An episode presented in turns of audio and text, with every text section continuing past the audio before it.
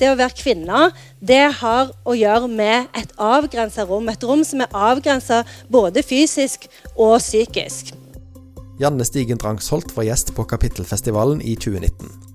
I dette foredraget snakker hun bl.a. om hvordan samfunnet alltid har begrensa hva kvinner har hatt lov å bruke kroppen sin til. Og hvis du har lurt på hvordan menn og kvinners løping skildres ulikt på film, så får du svaret her. Eh, jeg har kalt foredraget for eh, 'Kvinnekroppen 2019 en kamp mot naturen'. Og det har egentlig sitt utspring i en sånn podkast eh, som jeg lagde sammen med eh, Jostein Gjertsen i NRK for noen år siden. Da lagde vi åtte episoder om kroppens kulturhistorie. Og da hadde vi som utgangspunkt at vi skulle snakke om eh, kroppen generelt. Eh, og kroppen generelt er jo den kroppen. det er mannen. Eh, så, eh, men etter hvert så innså vi at vi begynte å snakke om kroppen eh, generelt. Eh, men at vi beveget oss ganske kjapt inn på kvinnekroppen. Og jeg tror at Noe av grunnen til det var jo at målet vårt var å knytte kroppen opp mot kultur. Og, Da var det hele tida veldig fristende å begynne å snakke om kvinnekroppen og stille spørsmålet om kanskje kvinnekroppen er spesielt knytta opp mot nettopp kulturen. da. Eh, og Det som eh, er, er, veldig fristende, da, det er å ta utgangspunkt i eh, Simone de Beauvoir sitt eh, studie 'Det annet kjønn', hvor hun sier at man blir ikke født som kvinne, eh, man blir det. Og Det eh, Simone de Beauvoir snakker om, da, det er jo dette her med at det er litt det samme som, som, Judith Butler, som jo er en annen feministisk kritiker, snakker om. At det, i det øyeblikket barnet blir født, dette er en fødsel. Eh, så, så, så, er det jo noen som tar imot det, og så løfter de barna opp og så sier de enten dette er en gutt eller dette er en jente. Og Da er det jo sånn at en begynner å behandle det barnet på en spesiell måte ut fra om det er gutt eller jente. Så Da begynner på en måte den opptreningen eh, som Simone de Beauvoir eh, snakker om, enten i å bli en mann eller å bli en kvinne. da. Eh, og det som, er, det som, er, veldig gøy med Simone de Beauvoir, det er mange ting. Men det er bl.a. det at hun sier at kvinnen da, Kvinnen er et menneske som opplever å bli pålagt strenge begrensninger i form av kropp, syke og samfunnsmessig stilling. Så Det som hun egentlig sier, da, det er at det, det du blir trent i da, fra det øyeblikket du blir holdt fram og vist til verden som enten jente eller gutt Hvis de sier at dette er jenta, så blir du trent opp i begrensninger. At det er på en måte den treningen som du får. Eh, og det er her vi kommer fram til joggesko. De Mannen min har de joggeskoene. Jeg kan anbefale alle å kjøpe de. De er veldig fine. Så, eh, fordi at det, Joggesko er jo eh, ganske, en ganske god måte å forklare en del av disse begrensningene, og da særlig begrensningene som har med psyken og kroppen å gjøre. Eh, og Da har jeg også lyst til å ta utgangspunkt i annet, en annen studie, en studie som ble gjort i 1977 av Ørvin Strauss. Eh, og Det Erwin Strauss skulle forske på da, i den studien, det var om, om det var noen spesielle grunn til at gutter kasta ball lenger enn jenter gjorde. Så det Han gjorde da, det var at han tok utgangspunkt i eh, et visst eh, utvalg av gutter og så tok han utgangspunkt i et visst utvalg av jenter, og så så han på hvordan de kasta. Og det han så da med jenter, det var at de kasta litt som Kim Kardashian gjør her at eh, jentene tok liksom opp ballen, og så heiv de den ned. Eh, mens guttene de tok ballen, og så sikta de, og så tok de og så stilte kroppen inn i en sånn posisjon som ville gjøre sånn at ballen kom langt vekk, og så heiv de. Eh, og det som Ørvin Strauss da kunne konkludere med basert på empirisk forskning, det var jo at gutter var eh, biologisk disponert til å hive lenger enn jenter. og sånn var det bare. Tusen takk for meg. um, så det, men så var det òg eh, folk som syntes at det, denne studien til Evan Strauss var litt lam. Og En av de er Iris Marion Young, som har skrevet eh, essayet 'Throwing Like a Girl'. Det er fra 1980. Og det eh, Iris Marion Young sier, da, det er at det, kanskje det ikke er Kanskje det ikke er eh, biologisk. Kanskje det har noe å gjøre med hvordan jenter har blitt opplært. Kanskje det noe, har noe å gjøre med hvordan de har fått lov til å bevege kroppen sin. Kanskje det har noe med liksom, måten de har blitt oppmuntra til å bevege kroppen sin i eh, vår kultur. Eh, og det hun sier, det at det, for mange kvinner som driver med sport, er det slik at vi har internalisert et rom som vi ikke kan bevege oss utenfor. Bevegelsen vår skjer innenfor dette avgrensede rommet. Og da er en jo med en gang inne på dette som Simone de Beauvoir snakker om, med at det, med å, det å være kvinne det har å gjøre med et avgrensa rom. Et rom som er avgrensa både fysisk og psykisk. Og det er jo da vi kommer virkelig inn på dette med, med joggesko. For det som er, Jeg har lest ganske mye om joggesko det, det, siste året. og Det som er veldig interessant med joggesko, det er jo at det, det, er en type skotøy som sier enormt mye om den kulturen vi lever i. Eh, og det er jo et skotøy som, er, som, blir brukt av begge kjønn i dag. Eh, men når de begynte å lage joggeskoen, så var den jo eh, beregna på menn.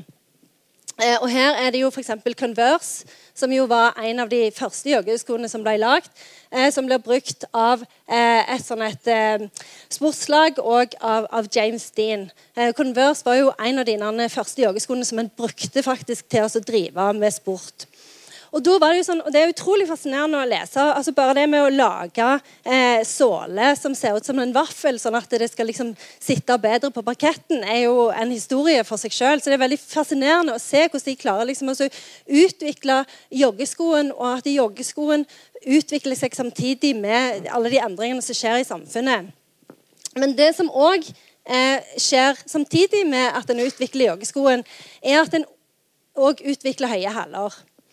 Og det er jo en veldig sånn i, altså Gjennom nesten altså, eh, Fra slutten av 1800-tallet og fram til egentlig eh, 1987 så er joggeskoen først og fremst beregna på menn. Og Det er ikke så lett å komme på i dag, for nå går jo alle rundt med joggesko. Men 1987 er ikke så veldig lenge siden. Eh, og Før det så var det jo sånn at kvinner sin frihet og kvinner sin mulighet for å få seg jobb og ta utdanning og alt det, det var knytta opp til høye hæler. Og Det er så utrolig gøy å lese en del av de tekstene som, som, som fremhever dette med at jo, men kvinner skal ta utdanning, kvinner skal få seg jobb, kvinner skal ha alle de forskjellige mulighetene som menn har. Men de skal gå rundt i de skoene. Og, og, og, og det, uten, uten, ironi. Ingen ironi når en snakker om høye heller. Og det syns jeg er veldig fascinerende. Eh, og nå var Det jo sånn at, det, at den, det var noen kvinner som brukte joggesko på slutten av 1800-tallet. og da Særlig på de kvinnecollegene som begynte å dukke opp eh, i, eh, rundt Boston og i Massachusetts i, i, eh, i USA. Bl.a. Eh, et basketballag. Men dette var på en måte eh, normen. da. Altså, dette var på en måte hovedregelen når en tenkte på kvinner og bruk av joggesko. Eh, og det, Der ser en jo at sterke bevegelser av kroppen kan faktisk løsne livmora. Og det er det ingen som vil at den skal løsne, for det er sikkert dritvondt. Eh, og da kan du jo få både prolaps, og du kan blø, og du kan bli steril. Og eh, da kan du ikke få barn, så da er jo på en måte livet ditt over. Eh, og det er jo, altså Dette er jo fra 1898, og det er jo lett å le av det. Men den tankegangen har jo faktisk holdt seg ganske sånn sterk opp igjennom på litt sånn mer subtile måter. Da. Men det er òg noe som jeg har lyst til å se litt på hvor sterkt den har prega eh, tankegangen eh, rundt dette med kvinner og bruk av joggesko. da. Eh, og Et godt eksempel er jo maraton. for Det tok jo veldig lang tid før kvinner fikk lov til å delta i maraton. Eh, Bobby Gibb meldte, prøvde å melde seg på Boston Marathon i 1966.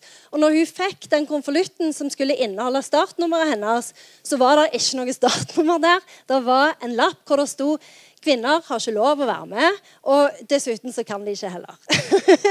så det er jo veldig fint. Og det er sikkert mange som har sett de bildene av Katrine Switzer, som òg prøver å springe Boston Marathon, og som blir fysisk dytta vekk av en funksjonær som roper Kom deg ut av mitt maraton.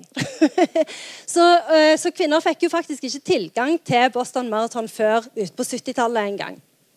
Uh, og, og, dette her med altså det er tydelig, Hvis du ser på de bildene av Katrine Switzer, så er det tydelig i denne ansikt, ansiktsuttrykket til denne funksjonæren at det, han er redd.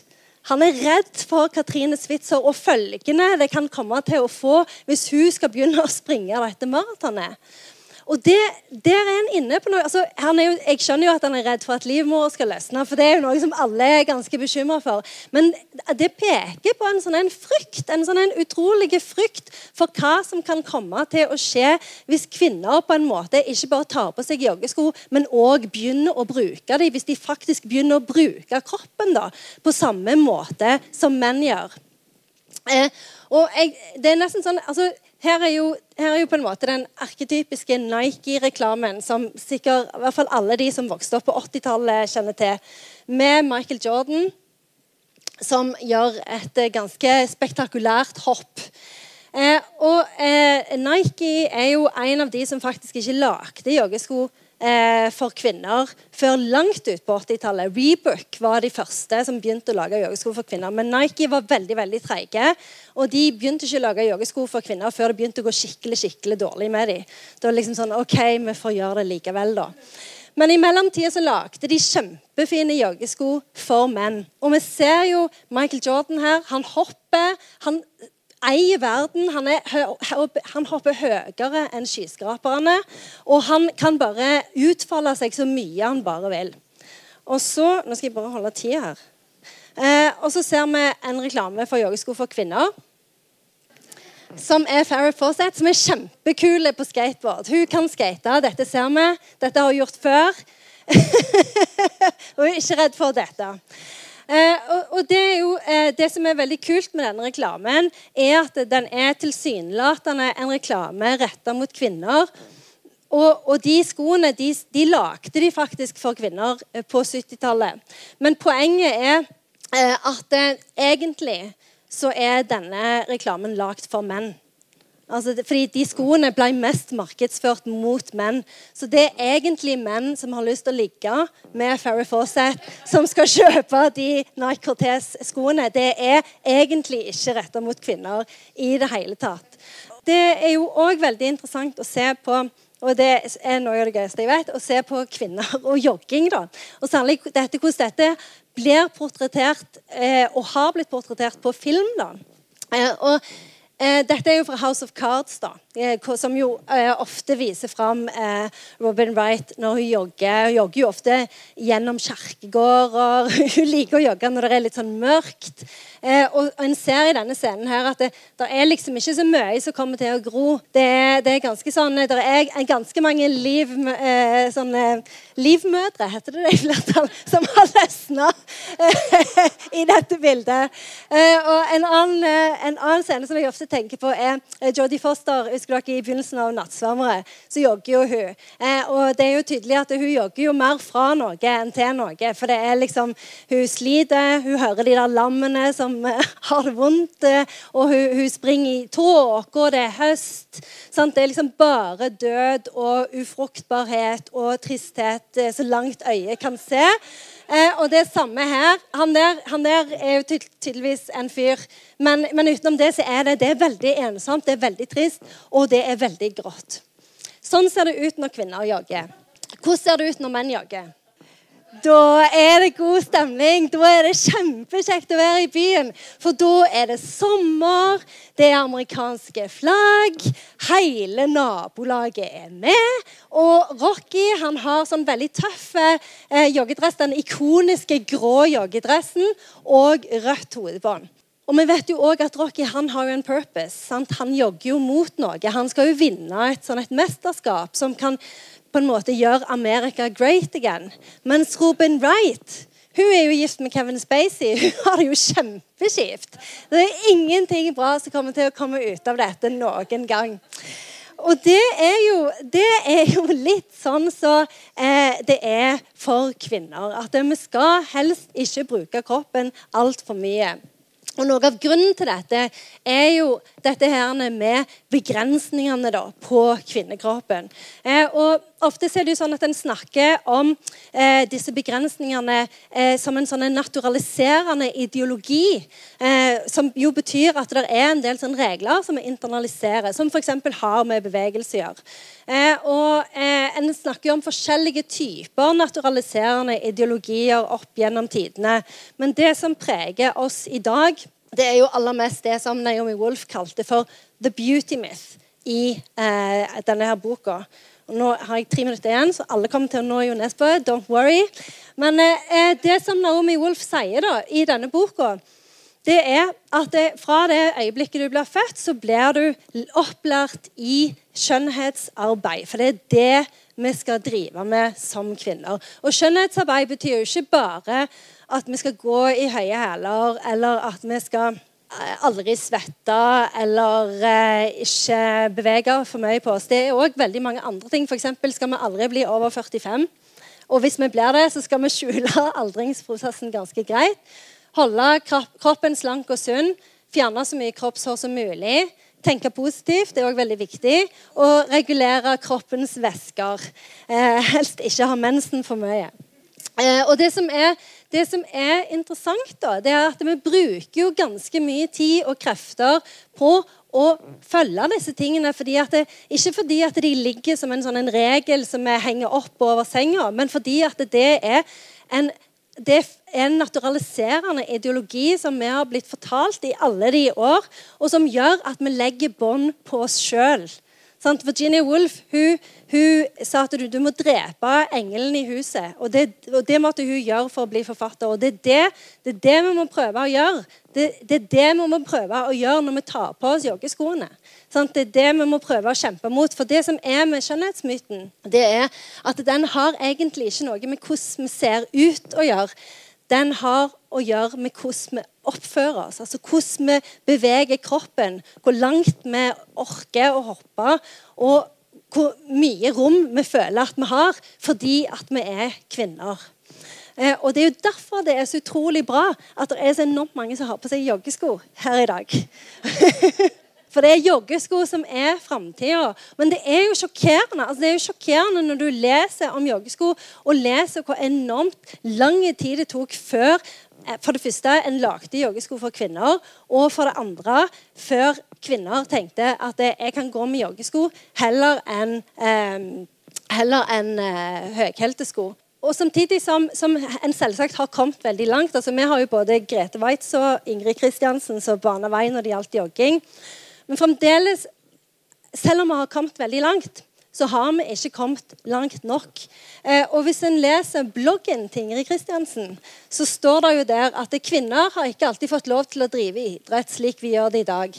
Idrett var noe som menn drev med. Kvinner skulle ikke svette eller drive med slik de skulle tenke på utseendet. Heldigvis har det blitt en forandring på det, og vi kan glede oss over mange flotte idrettsprestasjoner gjort av kvinner. Det sier jo det er kjempefint. Men så sier òg kan idrett forårsake menstruasjonsforstyrrelser hos kvinner. Det er ikke noen klare bevis på det, men at gjennomsnittsalderen for første menstruasjon er høyere blant idrettsjenter, ser ut til å stemme. Og når jeg leser det, så tenker jeg veldig på den der livmora som henger og slenger der, og som fort kan løsne hvis du skal hoppe så høyt som Michael Jordan. Og Det er det? Det, er det vi må tenke på. Så vi må, vi må, vi må våge at den livmoren skal løsne. Vi må våge å ha hår under armene. Eh, vi må våge å bruke alt det rommet vi har, og vi må våge å gå med joggesko. Det var det jeg hadde å si.